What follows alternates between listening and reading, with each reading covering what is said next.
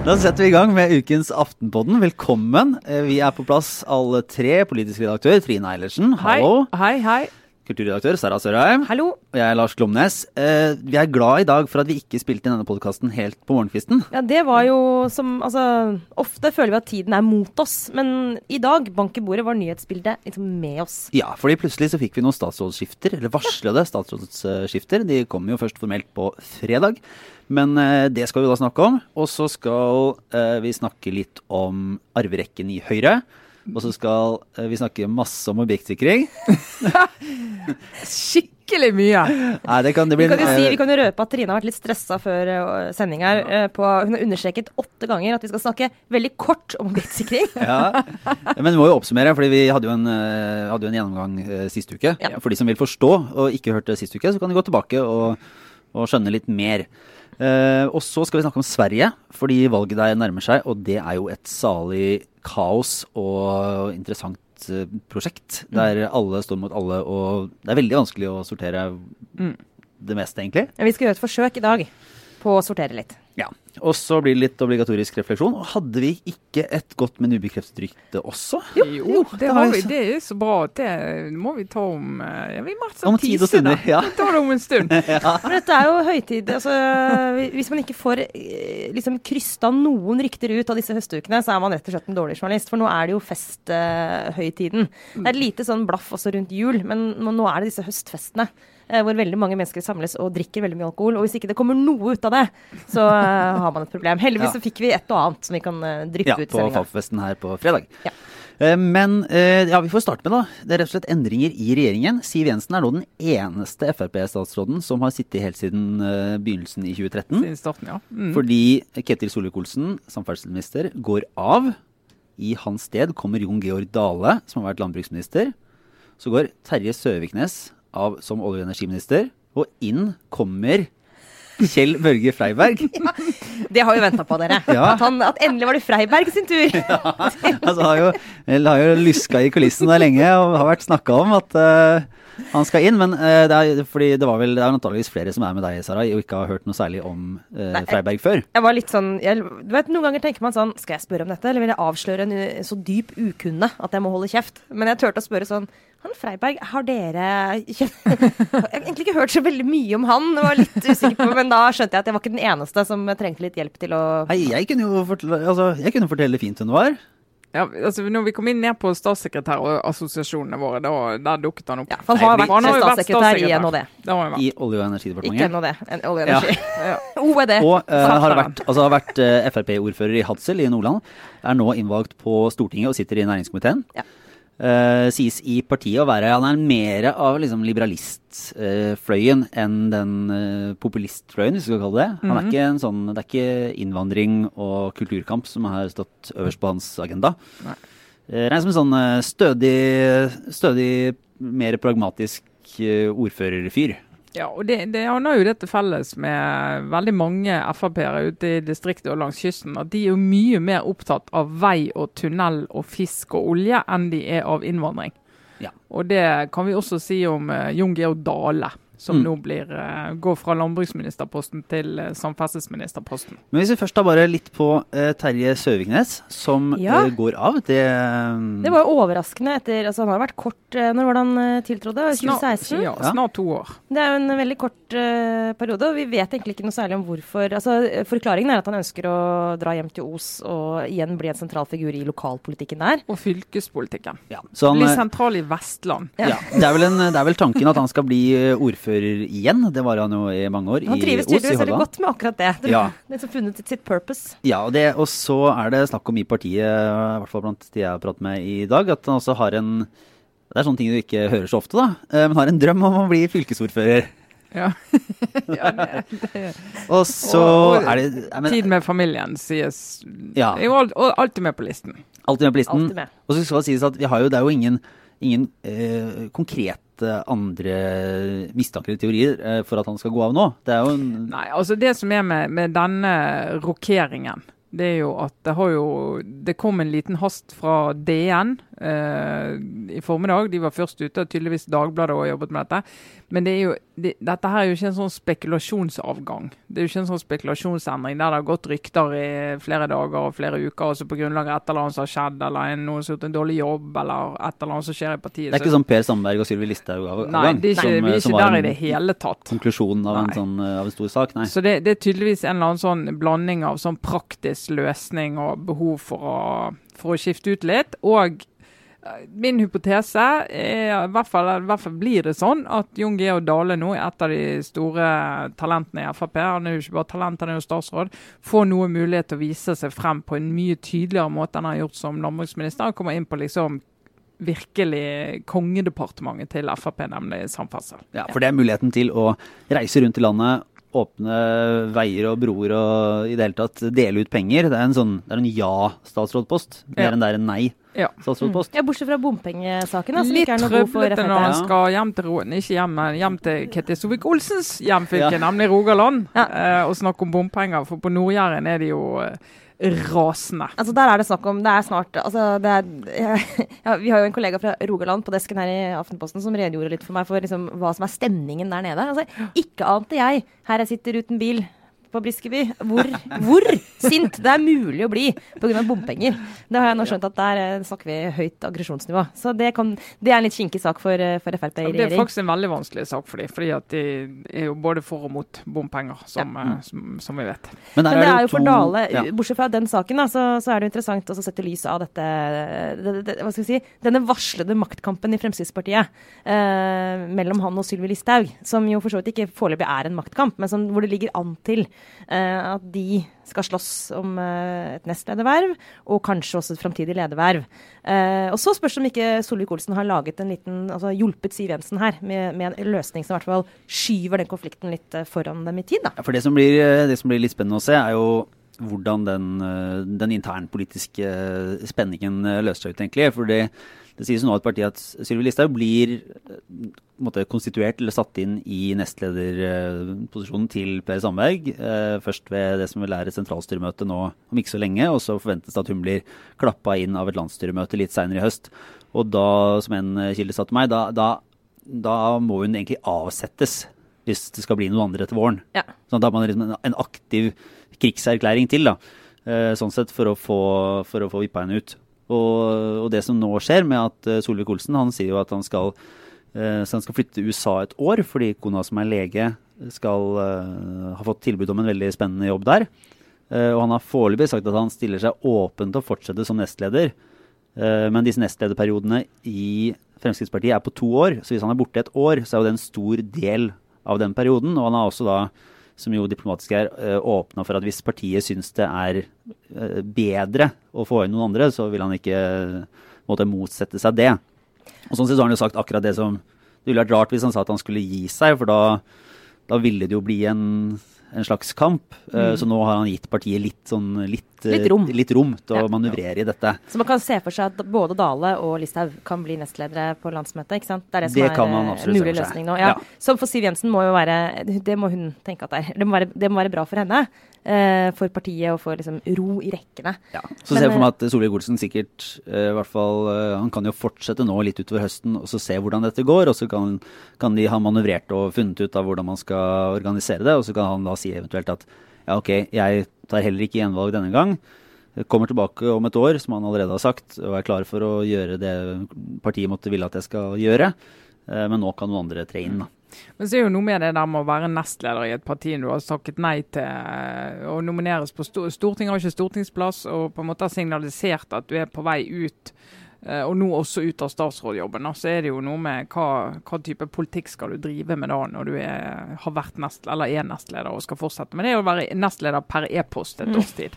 Og så kan man, kan man si at hvis eh, Jeg tror jo hvis, man, hvis han hadde vært kjempeinteressert i å eh, posisjonere seg for å ta over som leder etter Siv Jensen, eller gjøre, og sett at den muligheten lå rundt hjørnet, så hadde han jo fortsatt som statsråd. Ja. Ikke trukket seg ut nå. Mm. Det er jo nok av eh, nok av politikere som eh, Det er, det er jo fortjenestefullt at han vil ta hensyn til familien og til eh, konas karriere.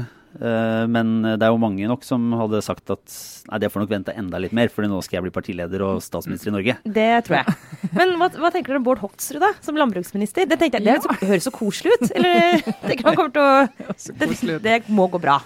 Eller? Jeg vil jo tro at de, eh, at de vil ha inn en som har også litt sånn Han er jo en folkelig appell og en de, sånn imøtekommende stil. de må ha en sånn folkelig person hele, til enhver tid i regjering. Altså, jeg tenker sånn de, de, Nå med Sandberg ute, så, så må, måtte de få inn Bård, Hok- Bård, Bård Hoksrud. Altså en sånn eh, Ja, altså ikke- Dale ikke- er jo faktisk ganske sånn eh, jovial og folkelig fyr. Sammenlignet med Ketil Solvik-Olsen er han jo direkte munter og morsom.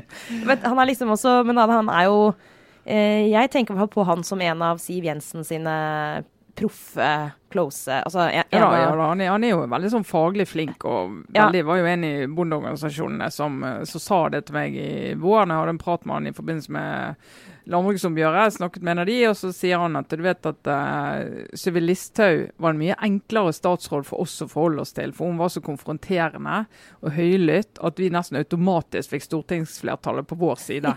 Mens Jon Georg Dale er jo en veldig smart politiker som er godt politisk håndverk og får gjort og flytte på ting i Stortinget og lager seg allianser så han får flytte på politikk. Så det er jo mye farligere statsråd for oss når Mm. han får gjennomføre politikk som vi ikke, ikke liker. da. Han liksom pekte veldig på at han var en bedre politisk håndverker enn en enn Listhaug var. Eh, Så han er jo på den siden og heller ikke veldig sånn eh, opptatt av innvandring, eh, som vi snakket så vidt om i sted. Eh, Og Bård Hoksrud i landbruk. Ja, det er jo, altså Landbruket er jo utrolig på agendaen et par måneder i, på våren når det er oppgjør, landbruksoppgjør. Mm. Uh, så vi får jo, får jo se hvordan han står i det. det, er jo, det er jo, eh, altså Bård eh, er jo en veldig omgjengelig og, og hyggelig mann. Uh, Og de med sånn trivelige på Stortinget i grunn, det tror jeg ikke er noe overraskelse. Hvis man har sett på mange av sakene og alt det han har, har engasjert seg i. Og han har jo nå de siste månedene vært ute og vært ganske åpen om at han har jobba hardt for å slanke seg en del kilo. Ja, det har han vært tydelig på. Flere titalls eh, kilo. Og Ja. har jo tatt liksom et oppgjør med sin usunne livsstil. Så det er jo en nå skal jeg bare ønske han alt mulig godt i jobben med å fortsette den eh, dietten, som, dietten som, som det mest sånn kaloririke Dietten i regjeringen, regjeringen. ja. ja. Der er det mye kortreist eh, rømme og fløte og kaker og ufattelig mye deilig mat rundt hele landet. Så jeg tror jeg alle ville dratt på seg et kilo eller to i den jobben Ja. der, for ikke si ti. Men jeg, kan jo bare, jeg må bare si før vi går videre at uh, Bård Hoksrud utrolig uh, sånn behjelpelig og egentlig veldig, sånn, altså, veldig grei politiker. Jeg husker da jeg jobbet i Klassekampen. Da hadde vi, og de har, de har jo fortsatt deadline klokka to. Sender avisen veldig tidlig. Og jeg husker veldig godt at Bård Hoksrud han kjørte en gang vi mangla et bilde av ham, og jeg intervjua en sak. Satt seg i bilen i Jeg tror han bor ute i Nittedal, eller gjorde det da i hvert fall. Nitt, Nei, hvor vi, OK. Hæ? Fra Telemark? Fra okay. La oss bare hoppe over den geografiske unøyaktigheten. Han, bo, han bo, var et sted veldig langt utenfor Oslo satte seg i bilen og kjørte ned til Grønland. Så vi kunne ta et bilde av han, for jeg hadde ikke, tid til å sende fotografen opp til han. For Klassekampen, en avis som han åpenbart ikke liksom, Det er ikke hans viktigste sted å, å, å være, for å si det sånn. Ja, det, Det var sånn ting. stjerne i boka. Så Det er mange år siden. Men pga. det har jeg alltid tenkt at Bård Hoksrud eh, skal ha for det. Men eh, Bård Hoksrud han er også da, som, eh, som også Terje Søviknes, en ripe i lakken med denne sexkjøphistorien fra Riga for noen Ja. år tilbake. Ja. Er det noe som kommer til å hefte ved ham, eller kommer det til å være et eh, politisk Altså, det- problem når han blir statsråd? Nei, altså Det kommer jo til å hefte ved ham bestandig, på en måte. Men den, men den saken har jo blitt eh, Han la seg flat som han skulle. Han ble ikke dømt for noe, holdt jeg på å si. Og han eh, har liksom gått den kanossagangen de gangene han skulle gjøre det. Men at det blir nevnt nå i omtale av han og gjennomgangen av han, det er jeg jo helt sikker på. Eh, Men det er jo eh, på til å si, for meg er jo verre at han har gått inn for vannskuter enn at han har vært i Riga på tulletur. Ja, men da eh, vi må ta, det, det har jo fortsatt altså, vært flere rokeringer, eller hva skal si, varslede endringer i, eh, i borgerlige partiledelser, eller det må man i hvert fall tro. Fordi helse- og omsorgsminister Bent Høie varsla jo her denne uka at han søker på jobben som eh, fylkesmann i Rogaland, i hjemfylket. Ja. Og eh, han, må jo, han er jo innvalgt på Stortinget, så han kan først, først begynne i 2021. Men eh, det får jo også fort litt å si for arverekka i Høyre. Ja, altså, for det er jo det vi Når vi snakker om Siv Jensen, når hun skal gå av En dag må jo hun også gå av, og det samme gjelder jo Erna Solberg. Eh, og typisk tid å gjøre det på er jo hvis de går, taper neste valg eller et eller annet sånt. I forbindelse med det, så Den diskusjonen kommer jo, Da har jo Bent Høie vært nevnt som altså Han er jo nestleder i, i Høyre, som en av de som kan konkurrere om den jobben. Nå har vært helseminister i fem år. Det er jo han og Kete Solvik-Olsen som har sittet i de der blytunge postene i fem år nå eh, i strekk. Eh, og nå signaliserer jo egentlig han òg at eh, er på vei ut av politikken. Ja, ikke skal ikke inn ja. på listen igjen. Ferdig med Stortinget. Men han har jo Ja. da ikke sagt at han ikke vil være nestleder videre, men eh, de har snakket med Høyre. og sånn, Det ville vært veldig rart hvis han skulle Ja. gå ut av alle verv og fortsette som nestleder. Interessant det der med den fylkesmannrollen i norsk politikk, eh, som egentlig fungerer som en sånn eh, karrieredødare, men når du velger det selv, altså sverdet du selv legger deg oppå. Eh, når, du, når du som en eller annen etablert politiker som sier ordet sånn Vet dere hva? Tror jaggu jeg har lyst til å bli fylkesmann. Da bare OK, ferdig. Ha det bra. Eh, har, den, har, den, har, det, har, Har det den jobben noen annen funksjon i norsk offentlighet enn å være en sånn trygg retrett for eh, politikere? Ja, altså Dette er jo statens uh, mann ute i fylkene. Så Ja. dette er jo en u, i prinsippet en upolitisk jobb, men det er jo så å si bare politikere som får de jobbene. fordi at de kan jo stat og forvaltning og alt dette her. Uh, men uh, han kan jo ikke være nestleder i Høyre når han skal være fylkesmann Nei, uansett. for det er byråkratjobb, er det ikke det? Du kan ja, ikke partipolitisk. ja, være det er jo ikke en byråkratjobb på den måten, men du er jo på en måte statens forlengede arm ut der. Og skal, og det, nå, Rogaland er jo et av de fylkene som ikke har latt seg slå sammen. Så kanskje han har ambisjon om å få Rogaland inn i Vestland? Går an å håpe? Men det, han, skal, han har jo ikke fått den jobben heller ennå. Det, han skal jo bl.a. konkurrere med Solveig Horne, altså Ja. tidligere Frp-statsråden. Ja. Så jeg skal ikke forskuttere akkurat den eh, beslutningen. Men han er jo da på han er, Det er gjenvalg, hva skal jeg si. Han, eh, han er valgt som nestleder fram til 2020. Det- så ja. vedkommende som da tar over etter Bent Høie i 2020, halvannet år før stortingsvalget, vil jo igjen være posisjonert ganske bra for å være med i, i, i tanke, altså, tanken om hvem som skal etterfølge Erna Solberg. Ja, og det interessante er jo, Nå er det ingenting som tyder på at Solberg har tenkt å gi seg, men hvis hun skal gå av før neste valg altså Det er jo ganske sånn eh, tøft av henne å liksom, gå løs på nok et uh, stortingsvalg nå som partileder. Uh, og, og prøver å Nå prøvde jeg å huske før sending om det er noen som vi kommer på som har vunnet tre valg på rad som partileder. Bortsett fra sikkert Einar Gerhardsen, da. Sånn Go, go, to, go to gamle statsministeren, som ja, antageligvis. Men så det vil i så fall være en bragd som klarer det. Hvis hun ikke har tenkt å gjøre det, så er det vel akkurat det landsmøtet 2020 hun må gå av på. Altså Hvis de skal ha en, hvis en ny partileder skal rekke å bygge seg opp før Ja. Og da vil jo mange si ja, Eller kan men hun hva gjøre det Nei, altså det, det, godt, eh, det de gjerne godt kunne gjort, da, var at hun tok det valget og så gikk av midt i perioden. Etterpå? Ja, For Ja. at du liksom, den nye partilederen skulle få muligheten til å Det går Ja. an. Men så har de jo, de har jo en eh, hva er det som ble sagt, de har en eh, kronprins som snart har sittet lenger enn eh, Charles i, i England, og Jan Tore Sanner. Ja. Som er valgt inn som nestleder da i 2004, og har sittet lojalt ved Erna Solbergs side siden den gang. Eh, nå skal, vi skal ikke liksom eh, legge den store dommen over eh, de ulike kandidatene, men eh, per i dag ser han, er, det, er han liksom først nå i arverekka, eller tror du at det kommer en Eller kommer det en William, som Ja. alle egentlig helst vil ha? er sånn Ja, som alle hopper rett over, rett på Torbjørn Røe Isaksen eller et eller annet sånt. eh, Ja, det Ine Ja. Marie Eriksen Ine Marie, som alle sier ikke vil Ja. den slags, og ikke vil ha den type oppmerksomhet.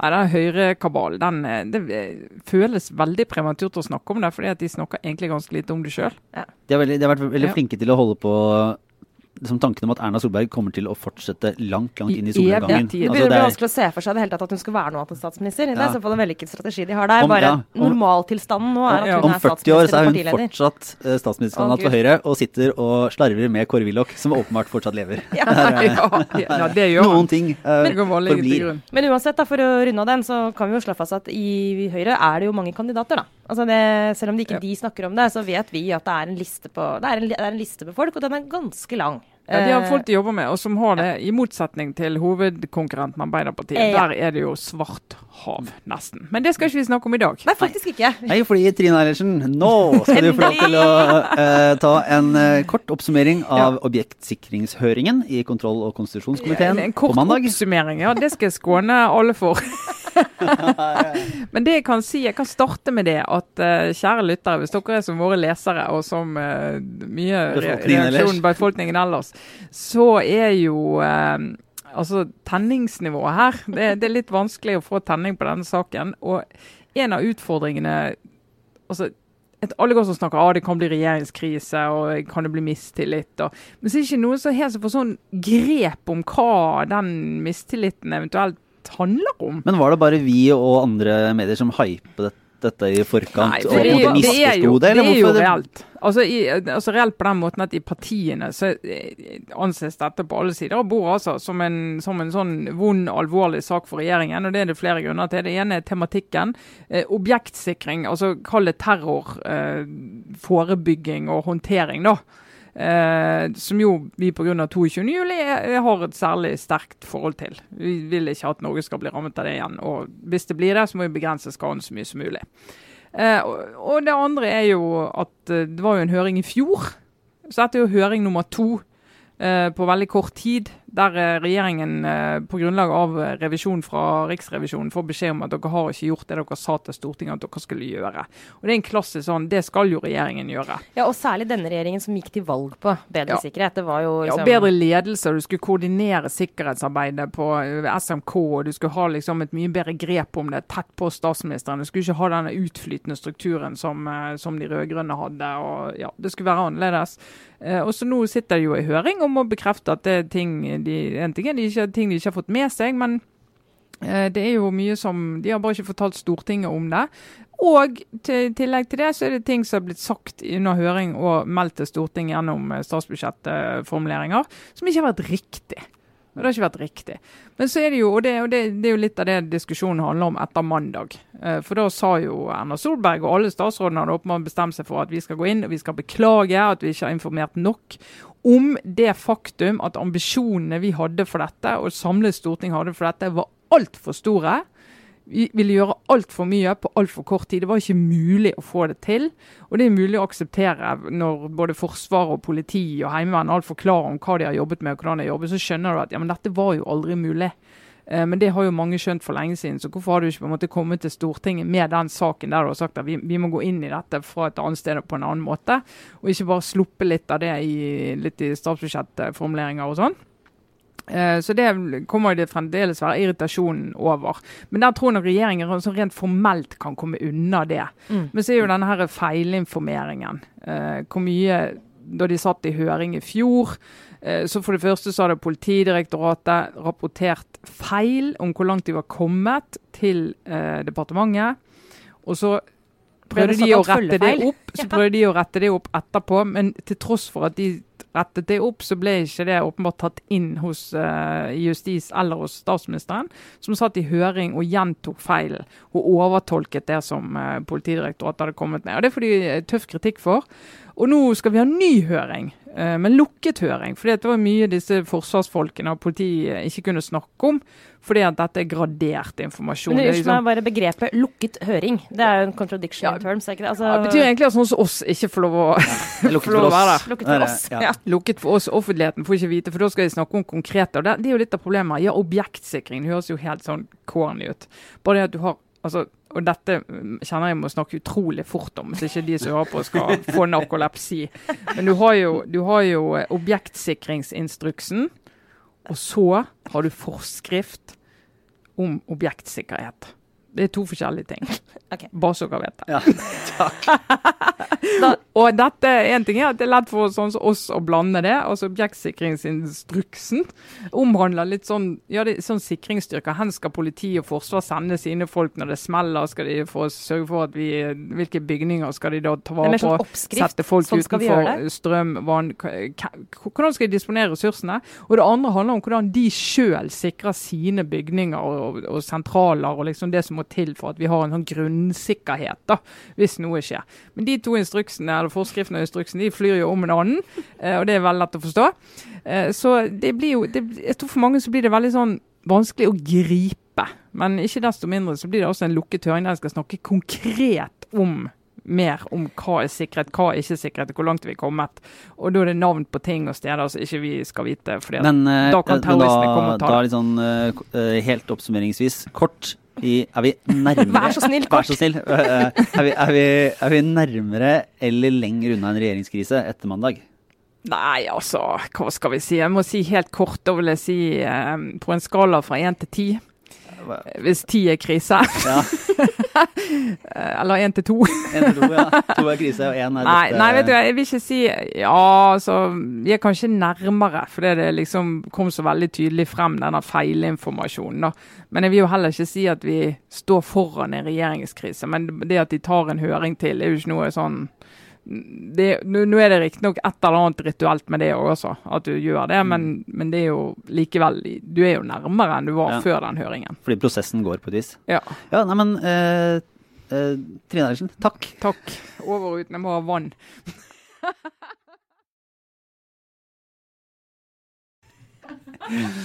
Eh, nei, men uh, da fortsetter vi med Sverige, for der er det mer Ja. Det er høyere temperatur i Sverige enn det er i, i, eh, denne, i, i eh, objektsikringsspørsmålet. Det må selv selv om det si. kan være alvorlig nok i, Norge. Eh, og eh, det er altså 9. september, mm. søndag. Det er valg i Sverige. Det er både da eh, riksdagsvalg og lokalvalg. Mm. Og for å krysse av på noen litt faktaopplysninger her i, Ja. i starten. Eh, vi, skal, vi skal se litt på hva, hva status egentlig er. Men eh, Sara, du har jo lenge vært en, eh, en Sverige-venn. I hvert fall vår lille Sverige-korrespondent i eh, Aftenpodden.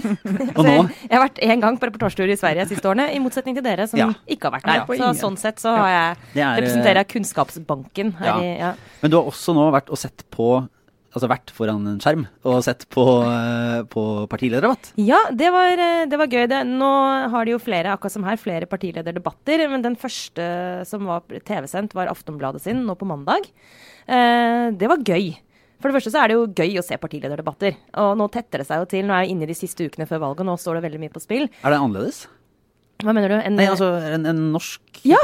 For det var det. Altså, det, er, det er mye gjenkjennelig. Altså, du, vi kommer tilbake til dette her med liksom, eh, forskjellen på norsk og svensk, altså partistruktur og sånne ting. Men du ser jo til sånn, ved første øyekast så ser det ganske likt ut. Du har høyresiden og venstresiden osv. Men, men jeg kjenner ikke, altså, bortsett fra de mest uh, markante, så er det fortsatt mange partiledere i Sverige som jeg egentlig aldri har hørt ordentlig. Uh, nesten ikke vet hvordan de ser ut engang. Og fortsatt etter debatten vanskelig å vite hvordan de ser ut. For noen av de er helt like. men Det er nesten det samme, flere av dem. I hvert fall uh, Men likt klingende etternavn. Mm. Ja, og alle heter noe med løv, Ja. nesten. Men uh, det som var gøy, var jo at de hadde et helt annet oppsett på sin debatt enn det jeg har sett i noen norske debatter. Så bare to ord om det først.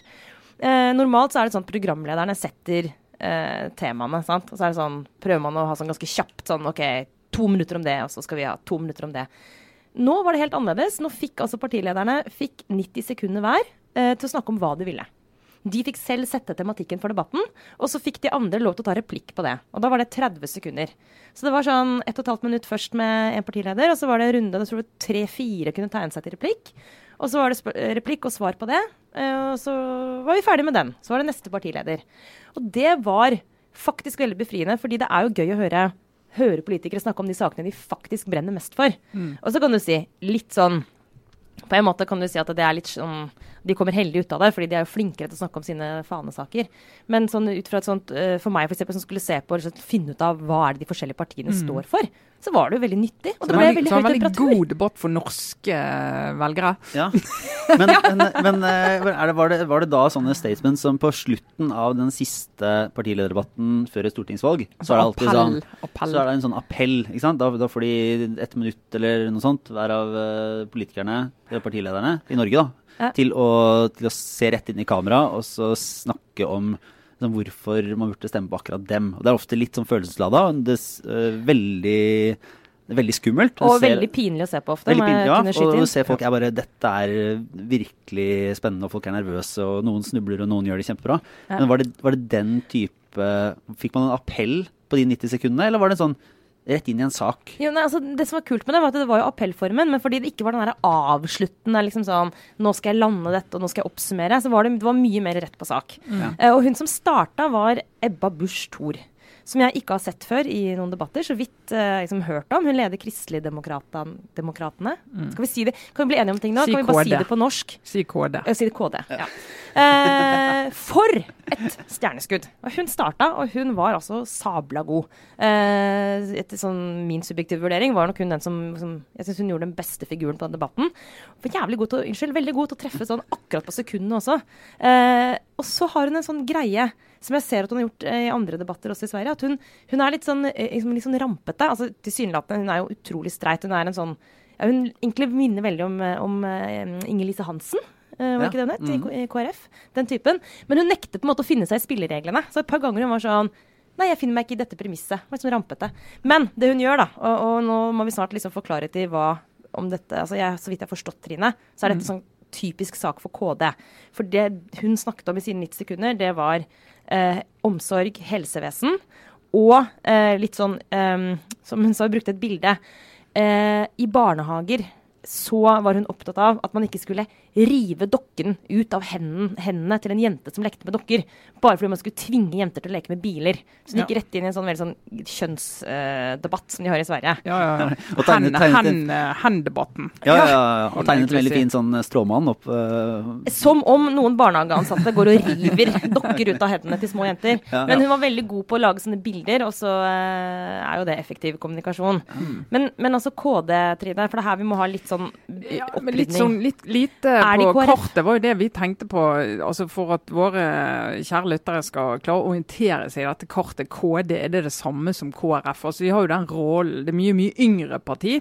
Eh, men i motsetning, de er mer, altså mer til høyre enn KrF i økonomisk politikk. altså Lave skatter mer eh, uttalt. eh, og de er mot altså, statlige reguleringer i større grad. Altså, helt klart borgerlige. kjernesaken, ja, helt mye mer klart borgerlige, helt klart, eh, er jo som KrF i Norge, sant? familie, eh, helse, eldre. Altså de, de varme, nære tingene, og ikke minst inn i den uh, hen, hen-debatten. du Men som KrF så ligger de og, og vaker på sperregrensa. Så det er Ja. ikke sånn at, det er Ja. ikke sånn at Ja, det er ikke eh, hele Sverige lar seg sjarmere av. Ebba Busch på samme måte som det du gjør, eh, Sara. Uh, nei, jeg vil understreke at det, ikke, det er ikke det samme altså Se at noen gjør det bra i en debatt, det er ikke det samme som å nødvendigvis være enig med dem. Nei, da. din, din, eh, skutt Jeg- jeg din analyse av eh, KrF forrige uke tror jeg overbeviser alle om at det ikke er der du ligger eh, politisk. Nei, men kort, Men eh, fordi det er jo interessant, fordi altså, og Senterpartiet de har jo et Senterparti også i, eh, i Sverige, som vi har i Norge. Og hvor like er de? Eh, og da vil i hvert fall de selv, senterpartistene, si at jo, altså vi er også veldig opptatt, opptatt av distrikt. Vi er opptatt av hele landet. Men de er jo mer europavennlige, mer sånn liberalorienterte enn eh, Senterpartiet i Norge er. eh, Og regner seg selv som mer sånn progressive da, enn eh, enn i Norge, der Senterpartiet kanskje ikke alltid regnes som i den boksen. Ikke fremst i skoa på, For å si det høflig. Nei, Og det er Anne Løf som leder Senterpartiet i Sverige. Og så er det liberale, som liksom er sånn Er det det samme som Venstre? Eh, ja, langt på vei er det jo det. Og det er også et sånn veldig borgerlig parti. Men diskusjonen i Sverige er jo, er jo eh, Kan KD og, de, og, de, og senter, nei, Senteren og liberale komme til å hoppe over streken hvis de oppfatter trusselen fra eh, Sverigedemokraterna for å torpedere liksom, et mulig regjeringssamarbeid? Ja, og her, her er vi inne på det som er, liksom av, altså, som er selve nerven akkurat nå i svenske valgkampen. Eller bortsett fra også åpenbart at innvandring er det ene temaet alt eh, sirkulerer rundt. Og den andre tingen da er jo at det er en veldig uavklart altså Meningsmålingene viser en helt uavklart parlamentarisk situasjon, hvor det egentlig ikke fins en blokk som, som ligger an til å få flertall. Og Det var jo selvfølgelig også da et tema i den, eh, den debatten på mandag, hvor eh, Ulf Kristersson, altså lederen i Moderaterne, når han skulle holde sin, eh, sine 90 sekunder, så var det interessant fordi småpartiene de kjørte konsekvent på liksom sin fanesak. Åpenbart Miljøpartiet snakket om miljø osv. Eh, men han kjørte mye mer på den eh, spillgreia, som var sånn En stemme til meg er en stemme for et regjeringsskifte. Eh, og så var han veldig sånn Og han, det er interessant også, han eh, Ulf har et sånt kroppsspråk. altså... eh, det var en litt usaklig analyse, men altså, med veldig lite appell til denne seeren. For For uh, uh, har ikke noe sånn naturlig sjarme. Sånn tillært. Han er sånn tillært kvikk. Men dette er med på sånn Det er alltid Ja, gøy med TV-debatter. sant? For du klarer ja. Men uansett, så han var veldig sånn, skulle være sånn kjekk og grei og si sånn Stem på meg, og det blir regjeringsskifte. Og så tok Jimmy Åkesson fra Sverigedemokraterna da replikk med en gang. Og bare sa tilbake sånn boom. Bare Ja, Nøyaktig hvordan ser du for deg egentlig det? Og stakk fingeren rett inn i såret, som er sånn at Ja, eh, alliansen da, altså på borgerlig side, de, de vil ha et regjeringsskifte, men det er ikke sånn at de nødvendigvis får til det. Eh, om, det er, om de så får flere stemmer enn enn, eh, venstresiden. sant? Og Jimmy Åkesson sitter med nøkkelen til, til dette. Mm. Med mindre da alle de andre partiene bestemmer seg for å vende ryggen til, til SD, og på en eller annen måte finne fram til eh, allianser som er blokkoverskridende, for Ja. å holde dem ute av makta. Og det har de jo gjort i budsjettsammenheng. Da har de jo Ja. gjort det. For i Sverige har de litt annet system enn vi har. I Norge må du ha et flertall i Stortinget bak budsjettet. Men i Sverige er egentlig regel at du må i hvert fall ikke ha et flertall, altså et flertall mot, men du kan la være å stemme eh, for eller mot et budsjett. Sånn at da kan et mindretall få et budsjett med seg videre. Og det fikk jo altså da Sosialdemokratene og Miljøpartiet som nå sitter i regjering og lager budsjett sammen med Venstrepartiet, som regnes som Altså De er på en måte SV, men de regnes som nærm mer rødt. nærmere mer rødt enn SV. Altså hakket nærmere, i hvert fall i en del saker. Eh, så var det jo ikke flertall for eh, det budsjettet. Og så Sverigedemokraterna de sa vi stemmer med alliansen sitt budsjett, og da er det jo krise. Eh, men da endte det jo med at alliansen sa at greit, vi støtter deres regjeringens budsjett på den måten at vi ikke eh, foreslår vårt eget. Dette var den såkalte desemberøverenskomsten. Eh, som Altså, er- forkortes DØ. Veldig Ja. gøy. Ja. Eh, og da, da Det brakte meg over på denne boka som vi nå stadig vekk det er jo bare sånn, det er jo helt kaos dette her. Men én ting, bare et viktig premiss her, er at forrige runde så hadde Sverigedemokraterna altså var det 12,9 mm. Nå ligger de på målingene på 25, Ja. og vel så det. Så Ja. den, eh, det lille regnestykket eh, vil jo bli vanskeligere for hver, Ja. for hver gang eh, Sverigedemokraterna blir dobbelt så store. Da. Ja, Eh, og KD ja, kan falle under streken, og da er det jo Da er liksom den alliansen død Veldig likevel. Nei, men det, det jeg skal si bare var at I denne boken vi ofte refererer, refererer til her i poden, altså How Democracy Dies, den har blitt en slags sånn eh, Han er, fra, er i paperback nå. Ja, Den er på Nordli, så jeg. Alle må lese den. Uh, men der er det et, et resonnement forfatterne drar, som, er, jo, som er relevant i, i denne sammenhengen når vi snakker om Sverige. Og det er jo eh, i, i- denne boken fremstilles det som en, en positiv, et positivt trekk ved velfungerende demokratier. Det er på en måte de etablerte partienes evne til å eh, identifisere da høy, ekstreme partier, demagoger, altså trusler mot demokratiet. Og når man ser at det, det kommer en sånn type skikkelse eller en sånn type parti eller en bevegelse inn på den politiske arenaen, så kan du ha institusjoner, du kan ha regler, du kan ha lover som på en måte verner om demokratiet, men du må også ha et, hva skal vi kalle det for noe slags sånn evnen til å intellektuelt eh, identifisere denne typen trusler og finne sammen og danne et sånt slags bolverk mot det, gjennom da å finne allianser på tvers av, av eh, blokkgrenser og sånn i politikken. Og, og I boka bruker du masse eksempler opp gjennom historien. Helt tilbake til Hitler på 30-tallet, egentlig, da han kom til makten. Og bruker, sant, og bruker eksempler på at, eh, at uh, demokratiet har overlevd. Da. Altså, her er det snakk om sant, direkte trusler mot demokratiet. At det har overlevd fordi man har funnet sammen. Uh, og, hold, og vendt ryggen mot, og holdt da uh, politikere, gjerne med ganske stor støtte i befolkningen, sånn ute, bort fra makta. Og så bare vips over til Sverige. da, så Det går an, det går an å legge den, det resonnementet til grunn og si at uh, f.eks. de liberale og Senterpartiet er, er, de er nødt til å bare finne, finne sammen med venstresiden for å danne regjering, for å hindre at Sverigedemokraterna blir, eh, får makta. Hvis jeg forstår det riktig, så er jo dette tankegangen til egentlig alle de andre partiene fram til nå. Det har vært Ja, det har, Ja. det har jo egentlig vært praksis, det. sant? At de, har jo Praksisen har gjort, de, har jo, de har jo gjort alt de kunne for å holde Sverigedemokraterna utenfor styringen. Altså Bare en sånn ting som når eh, Riksdagen, nasjonalforsamlingen, blir satt, så pleier du å fordele komitéverv med utgangspunkt litt i størrelse og litt sånn forhandlinger. De har holdt de helt unna komitéverv. Det har ikke de hatt. Du kan tenke deg i Stortinget hvis du skulle sagt at ett parti uansett størrelse ikke skal få komitéverv. Eh, Det ville jo, det ville jo blitt ramaskrik hvis vi hadde hatt det på den måten. Men så er jo spørsmålet da, for kan du, du kan jo gjøre den samme analysen med motsatt fortegn. Eh, og si at det å holde et så stort parti som Sverigedemokraterna utenfor makten, når folket har, så mange har stemt på dem, at det er det som er antidemokratisk. ikke sant? Og, det, og at det å gjøre det nå når de er på godt over 20% hvis de lander der, eh, og bare si at sorry, men 20% av befolkningen skal ikke representeres. Altså, Beklager, dere har valgt feil. Så vi er nødt til, vi voksne er nødt til å bare holde dere ute. Og der, er jo- der er liksom, hos meg er juryen liksom ute på altså, I hvor Ja. stor grad representerer Sverigedemokraterna nå en reell trussel mot både eh, demokrati og verdier, som på en måte er så viktige for oss at vi må bare bruke alle midler for å liksom, holde det ute. Ja, og da, da, går det jo også an å argumentere for at Sverigedemokraterna de har jo, det er jo innvandringspolitikk, og de vil ha en helt annen innvandringspolitikk. Men er det ensbetydende med at demokratiet er i fare? Ja, godt spørsmål.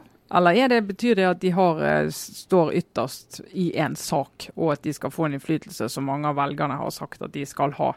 Men selvfølgelig andre deler av det blir jo da hva annet fører det med seg, og hva type holdninger fører det med seg at de får makt. og Det er de jo opptatt av i Sverige, for der har de jo fremdeles dukker det jo opp eh, hva skal vi si, litt eh, spesielle profiler i ja, det var, jo, det var jo avsløringer her fra, fra Ekspressen, og hva er det det heter? Expo, det var i hvert, fall, eh, i hvert fall at det var jo flere av de som nå står på liste for Sverigedemokraterna, som har eh, en fortid ikke bare som medlemmer i nynazistiske organisasjoner, men som, måte, altså sånn, men som har vært aktive og spilt en, spilt en rolle i veldig, veldig ekstreme grupper typ for 15 år siden. Ja, og Der er over i noe så interessant det som går på liksom, verdier og holdninger. fordi Hun nevnte, nevnte Ebba Busch Thor. Hadde en interessant eh, replikk på Debatten på mandag. fordi Jimmy Åkesson utfordra henne eh, for sånn som, man, sånn som man alltid gjør, da, på at de ikke har innvandringspolitikken høyt oppe på sin agenda, og virker uinteressert i det. Og Han var liksom sånn dere, dere vil ha flere innvandrere til Sverige. Og, og så svarte hun vet du hva,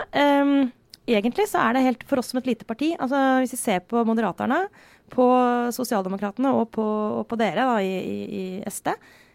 Det er egentlig ikke noe forskjell på, på innvandringspolitikken deres. Dere, alle, dere, legger dere på akkurat den samme linja.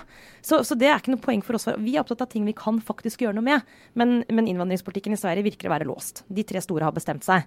Og Det var en interessant analyse, fordi retorisk sett så er alle opptatt av å si at vi er, mener noe annet enn de andre. Og Nå skal ikke jeg ljuge på meg at jeg liksom vet om den påstanden er helt riktig, men, uh, men, det er jo ikke nødvendigvis sånn at den største forskjellen på Sverigedemokraterna og de andre er konkret innvandringspolitikk, men det er dette på, med verdier og holdninger. Uh, F.eks. så ser du interessant i kulturpolitikken. SD har jo ymta frampå på at de gjerne kunne tenke seg kulturministeren. Mm. Som er jo helt sånn, Det går jo liksom sjokkbølger gjennom kulturlivet med tanken på at de vil ha den posten. Men de er opptatt av svensk kultur. ikke sant? Og den mm. posten der for å lage en sånn, eh, du vet, sånn kulturkanon, dette er Sverige, ja, svenske de, verdier. Ja. Det er jo de to tingene de er opptatt av. Ja, men Det er mye mer skummelt kanskje, sånn sett, da, hvis man, er, eh, hvis man ikke ønsker den samfunnsutviklingen. Uh, altså, De holdningene der, i hvert fall personlig for meg, tenker jeg det er mye mer sånn det, ja, men det er, er ganske jo, betenkelig. Men det er jo alltid det dilemmaet for de etablerte partiene, eller på en måte å si de partiene midt i strømmen. Når du har et parti på ytterkanten som har politikere som eh, enten er veldig ubehagelige eller kommer fra veldig miljøer som du bare ikke vil ha noe med å gjøre, som de gjør en del i Sverigedemokraterna gjør. Så det er liksom det å ta avstand fra de uten å ta avstand fra velgerne deres. Ja.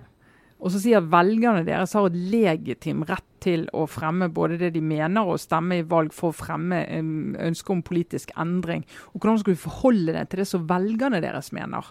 Og Det er jo det som har blitt problemet i svensk politikk, at de har ikke greid tidsnok til å ta, ta, komme inn en dialog med de velgerne, da, mer enn akkurat de ekstreme eh, politikerne i Men tror du, tror du at det går an å Er det en sånn uunngåelig at Sverigedemokraterna kommer til å bli en akseptert del av det politiske fellesskapet i Sverige. Eh, uten da sammenligning for øvrig, men sånn Fremskrittspartiet ble det i Norge. Der var det jo lenge heller ikke ønska inn i en borgerlig regjering. Man måtte ha holdt det på en armlengdes avstand, men til slutt så var det sånn ja, ok, det, mm. tiden tar tiden til hjelp, og så jobber man seg sammen fordi man ser at eh, det kan gi politisk gjennomslag, fordi i dette tilfellet Sverigedemokraterna jo er et høyreparti. Og Moderaterne vil kunne få gjennom mer av sin politikk hvis de kompromisser med Sverigedemokraterna. Derfor skulle man tenke at ja. maktpolitisk så vil dette bare gå én vei. Eh, men eh, er det, tror du det er sånn, Trine, at det uunngåelig møter Eller kan de faktisk veldig, klare å tvinge Sverigedemokraterna i kne og ta opp av nok av problemstillingen i sin egen politikk, og så la SD måtte svinne hendene igjen og, og, falle ned på et mye lavere nivå. Ja, for det kan jo også skje. At du sier at uh, nei, men ok, det er såpass mange eh, svensker som ønsker en annen innvandringspolitikk at vi flytter oss. Og det har de jo gjort allerede, selv om de innrømmer det i forskjellig grad. Og det har jo, det har jo skjedd i Norge òg. Innvandringspolitikken er jo blitt påvirket av Frp inn i nesten alle partiene. Eh, Iallfall Arbeiderpartiet og Høyre, som har flyttet seg som følge, direkte følge av Frp sin innvandringspolitikk. Mm. Uh, og som Hadde de ikke gjort det, så hadde jo Frp sannsynligvis vært et mye større parti. Men så er det jo det hvor stor er innvandring som tema. Og ofte i svenske valg så har jo ikke innvandring vært et stort tema. Nå er det det. Eh, Men hvis eh, velgerne opplever at du på en måte har fått en mer kontroll på problemfeltet og tilstrømmingen eh, Så i Norge er det jo ingenting, og at det blir der og du føler du liksom på vei et sted. Så kan det hende at de blir opptatt av helt andre ting, f.eks. økonomisk politikk, skatt, hva vet jeg. Og da er det jo ikke SD som er det store partiet der. Så det kommer litt an på hvor høy på dagsordenen den saken er. Nå, Siden 2015 så er han høy på dagsordenen, og det er det gode grunner til i Sverige. Men om de ender i regjering i dag, jeg, vet, jeg tør ikke spå om det. Alle må jo, uansett for å avslutte det kapitlet, men alle må høre den episoden av Lilla Drevet hvor de snakker om eh, Per Sandberg-saken sett fra Sverige. Den er, det er hysterisk morsomt. Men der er det også inne på det med forskjellen på Frp og, og Sverigedemokraterna. Og vi må bare nevne i denne sammenhengen også at det, de også poengterer at opphavet er så grunnleggende forskjellig i de to partiene at det er helt reelt sett litt vanskelig å sammenligne dem. De har til felles at de er lengst til høyre i, i hver sin nasjonale politikk, men, men det er klart det der, altså, eh, partiet mot skatter og avgifter eh, kom, det kommer et annet sted fra, og det har noe å si, da. Ikke sant? Enn en når, du, når du spinner ut av eh, dels rasistiske, dels fremmedfiendtlige miljøer. Så ja. Det, akkurat, det, akkurat det kommer ikke SD unna. Men eh, vi vi vel Vi snakker vel om å lage Vi har jo både da en podkast neste uke, og så snakker vi vel om å ha en liten Sverige-spesial når, valg. eh, når valg, eh, valget er over. Det Ja. syns jeg vi må Ha en valg, svensk valgspesial. Ja. Det, kommer, det tror jeg vi skal love. Vi kan, ja, ikke Ja, vi gjør det nå. Vi Ja. lover det. Eh, Men vi har også da en eh, slags fast post som vi har gjenopplivet og støtter helhjertet opp. Så eh, Sara Sørheim, eh, vi har jo da et godt, men ubekreftet rykte, som da Hvis Ja! alle har til felles at de er helt sanne. Altså, noe av det vi lo mest av forrige uke, var jo altså, det, det er ikke sånn at det alltid står morsomme ting i den rapporten som heter 'Offisielt fra statsråd', som blir sendt ut eh, fredag etter statsråd. Der står det alt de snakket om som vi kan få vite. Der er det sånn. Grunnleggende beslutninger. Ja. Men eh, nå på fredag kom det jo en litt morsom liten snutt derfra. Og det var det nye samiske navnet til eh, regionen Trøndelag. Og her, her må vi ta alle forbehold om at vi, eh, vi har all mulig kjærlighet til det samiske språket i det hele tatt. Ja. Eh, Ja. Bare Og vi, vi- roter oss inn i noe Ja, og at ufint. vi, ja, vi fniser av dette ikke fordi at det har noe med samer å gjøre, Nei. men fordi det er veldig gøy at det nye, nye navnet er liksom at regjeringen går litt sånn eh, metal. Eh, Ja. Og, det, altså, og dette var det da Jan Tore Sanner som skulle legge frem for eh, statsråd. At det nye samiske navnet til Trøndelag er Trøndelag. Ja, vi er litt usikre på hvordan man skal si det, men eh, Eller er med det. Trondelag? Altså, det er to ord med uh, tødler over. Og Ja. det var i hvert fall Det var sånn da uh, Jan Tore Sanner skal ha sagt dette i en, uh, en regjeringslunsj. ja, altså han måtte to ganger Han måtte først si det i regjeringslunsjen, og så skulle han gjenta det etterpå i statsråd eh, foran kongen. Eh, og det gode ryktet sier at eh, først, eh, når han sa det til regjeringen, begynte alle å le. Bortsett fra Jan Tore Sanner. og så ble ydmykelsen enda større da han senere skulle gjenta dette ved kongens faktiske bord. Eh, og alle nok en gang begynte å le, inkludert kongen, men ikke Jan Tore Sanner. Ja. Så Jan Tore Sanner står støtt bak det står nye støtt. trøn... Trø, ja, det, ja, vi må finne ut hvordan det skal sies. Kan noen please Ja. eh, hjelpe oss med det? Ja, Gjerne få en lydfil på det. Og så vet jo ikke vi om de lo av Sanner eller av navnet. Det vet jo ikke vi. Eller en, en fin kombinasjon, vil jeg mistenke. da. Vi skal ikke anklage dem for å le av samene, det har vi Nei, ikke gjort. nei, det er viktig å undersøke. Det, er, det skal vi ikke si. Men eh, vi har vel også da eh, litt obligatorisk refleksjon. Ja. Ja. Jeg kan jo begynne med en eh, kort og grei eh, liten anbefaling av et videoklipp som jeg kan dele på Facebook-siden vår også. Ja, men da må, jeg, da må jeg bare legge inn en sånn disclaimer som er sånn Ops, sterke bilder. Eh, der kan det hende at du ikke burde se det. Ja, det er, det er, det er, det er egentlig det er to, faktisk to klipp det henger sammen. Fordi eh, Storbritannias Altså, Theresa May er på besøk i Sør-Afrika og er utsatt for den klassiske utfordringen eh, dansing. Ja, det var. Ingen, eh, ingen hvite politikere, og her er det faktisk relevant at det akkurat eh, det er med etnisk opphav. Eller i hvert fall altså, ingen, Ja, egentlig, men i hvert fall ikke. Men det er jo ingen i dress og jobbdress som kommer godt ut av en sånn danserunde. Må ikke danse, rett og slett. Men Barack Obama kom unna med det. Uh, han hadde noen kule Han kom unna med alt. Men Ja, Theresa men May en coolness som Theresa May ikke har, da. Ja. Hvis jeg skal Ja. tillate meg å mene såpass. uh, for hun er, jo ikke, hun er jo på en måte ikke en smidig, veldig sånn løssluppen exactly. uh, dame i utgangspunktet. For øvrig, jeg, det er litt sånn Jeg kan ta litt motstand mot henne. Altså, Erna Solberg kan danse i sånne, sånne anledninger. Nei, hvordan vet du, har, du, altså, har du empiri på det her? Ja, altså jeg, jeg våger i hvert fall påstå at hun er hun har bygd, gitt seg selv et, en mulighet og et rom til å være med på alle sånne rare ting. Ja. Du tenker på å er sånn- kysse seler? Ja, ja, ja. Altså alt sånne bilder og sånne settinger. Ja, ja, hun har ja, så ja. skapt den der at hun er så uhøytidelig og lite selvhøytidelig at det funker at hun ser litt rar ut. Det som er verre, jeg bare hørte en historie apropos dette, om da Jens Stoltenberg var i et eller annet uh, afrikansk land, og det var en sånn danseseanse. Og han hadde da fått streng beskjed fra sine rådgivere om at bare ikke dans, ikke dans. Det kommer til å bli, det til å bli rart. Så han skulle ikke danse. Og det, nå har ikke jeg gått tilbake og faktasjekket dette, men det var da Visstnok i VG så var det, sto det en sånn overskrift som var sånn 'Stiv som en stokk'. Var Ja, men det er bedre. Det, det, var, det, var, det var en god avgjørelse. De må få være seg sjøl. Ja. når du tenker på hvordan de ser ut når de skal ha sånn næringsmiddelindustrien og må ha på seg de plasthattene, så tenker jeg vi skal tenne et lys for våre politikere også. Ja. Det- Men da kan jeg komme et godt, men ubekrefta rykte til. Ja. Jeg har sett Jens Stoltenberg danse. Han kan danse. Oi, jeg så det. Topp. Eh, men den, andre delen av denne Theresa May-refleksjonen var egentlig et intervju som ble gjort av eh, altså Channel 4, eh, som hadde en Michael Crick, som jeg synes er en ganske hard intervjuer. Utfordrer tøft. Og så var det et intervju nå der uh, Theresa May skal ut på Robben Island, altså der uh, Nelson Mandela satt fanget i, i mange, mange år. Og der Crick tar en ordentlig hard intervjusession der han spør henne om hva hun personlig gjorde for å hjelpe Nelson Mandela da han satt fengslet. Det er så dårlig gjort.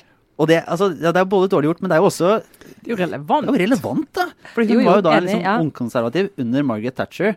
Og som han på, påpeker, Margaret Thatcher mente Nelson Mandela da var en terrorist. Hva mente du?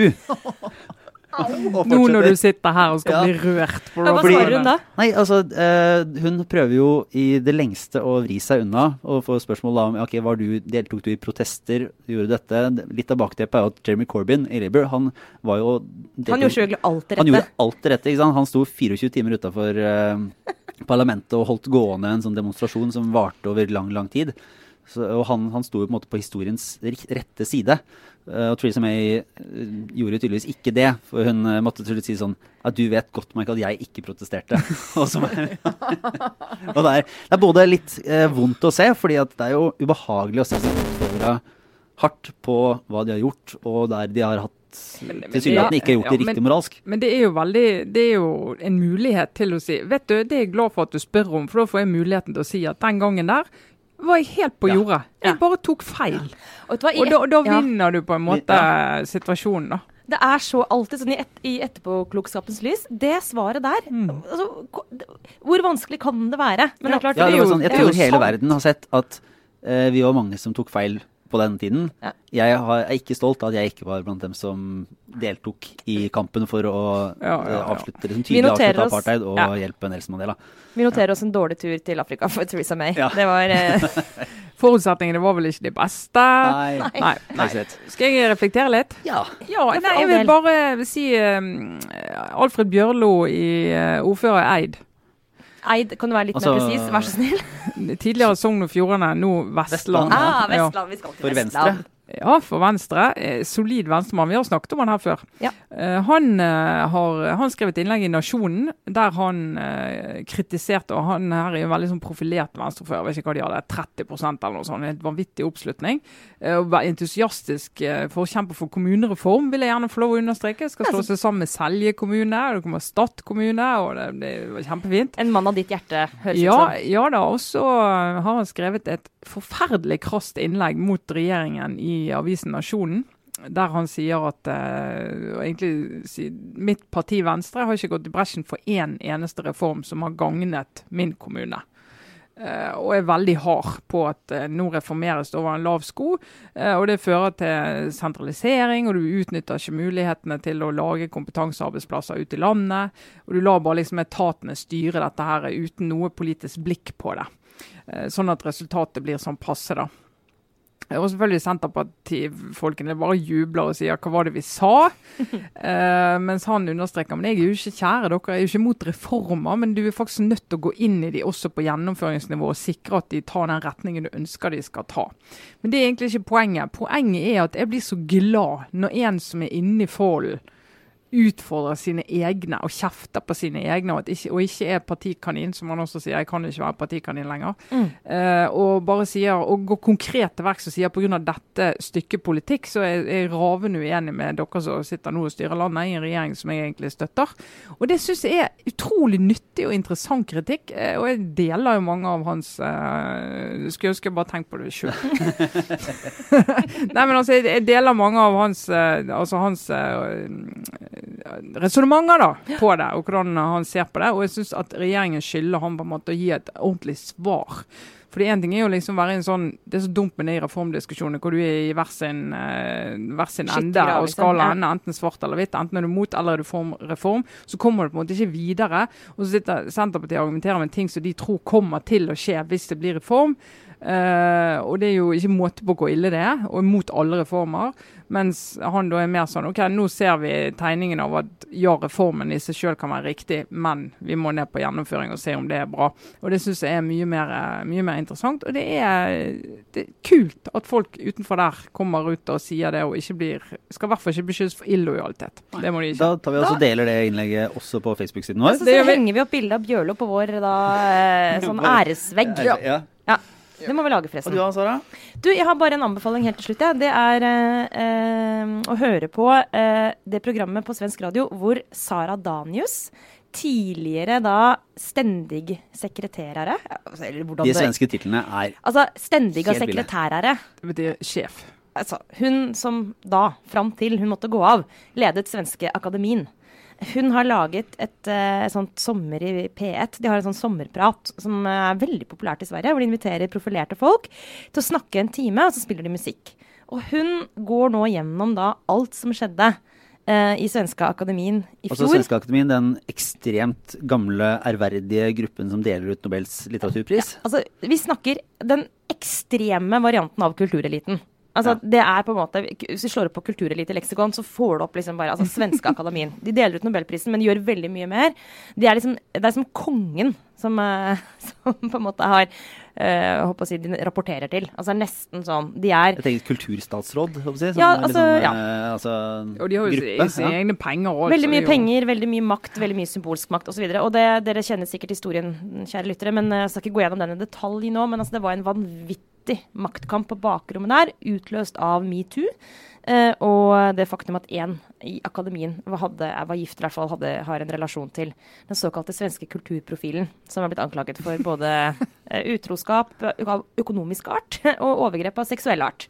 Ok, Poenget egentlig med denne anbefalingen er bare at når sånne saker står på, er det ofte vanskelig å få liksom, hovedkildene til å uttale seg. Det kommer sånne pressemeldinger, og det kommer sånn to eh, sitater på en sånn veldig planlagt eh, sånn type Jeg står, på dør, jeg står utenpå, ute på trappen og sier to setninger. Ha det bra.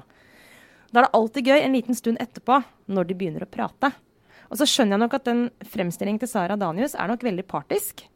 Men på den annen side, fy fader for en sterk historie. Og hun ble virkelig utsatt for et vanvittig angrep, og sto i det til hun da måtte kaste inn håndkleet. Bare hør på den. Den er, eh, det er en interessant historie. Ja, den skal jeg høre på. Ja, men eh, Da har vi litt av hvert av anbefalinger. Deles igjen på Facebook-siden. Og så runder vi av for denne gang. Ja. Er tilbake neste uke med mer action. Av litt uklar art. Det blir i hvert fall Sverige, det vet vi. Det vet vi. Ja. Da skal vi følge med på den. Så takk for denne gang. Det var Trine Eilertsen, Sara Sørheim, Lars Glomnes. Ha det bra. Farvel.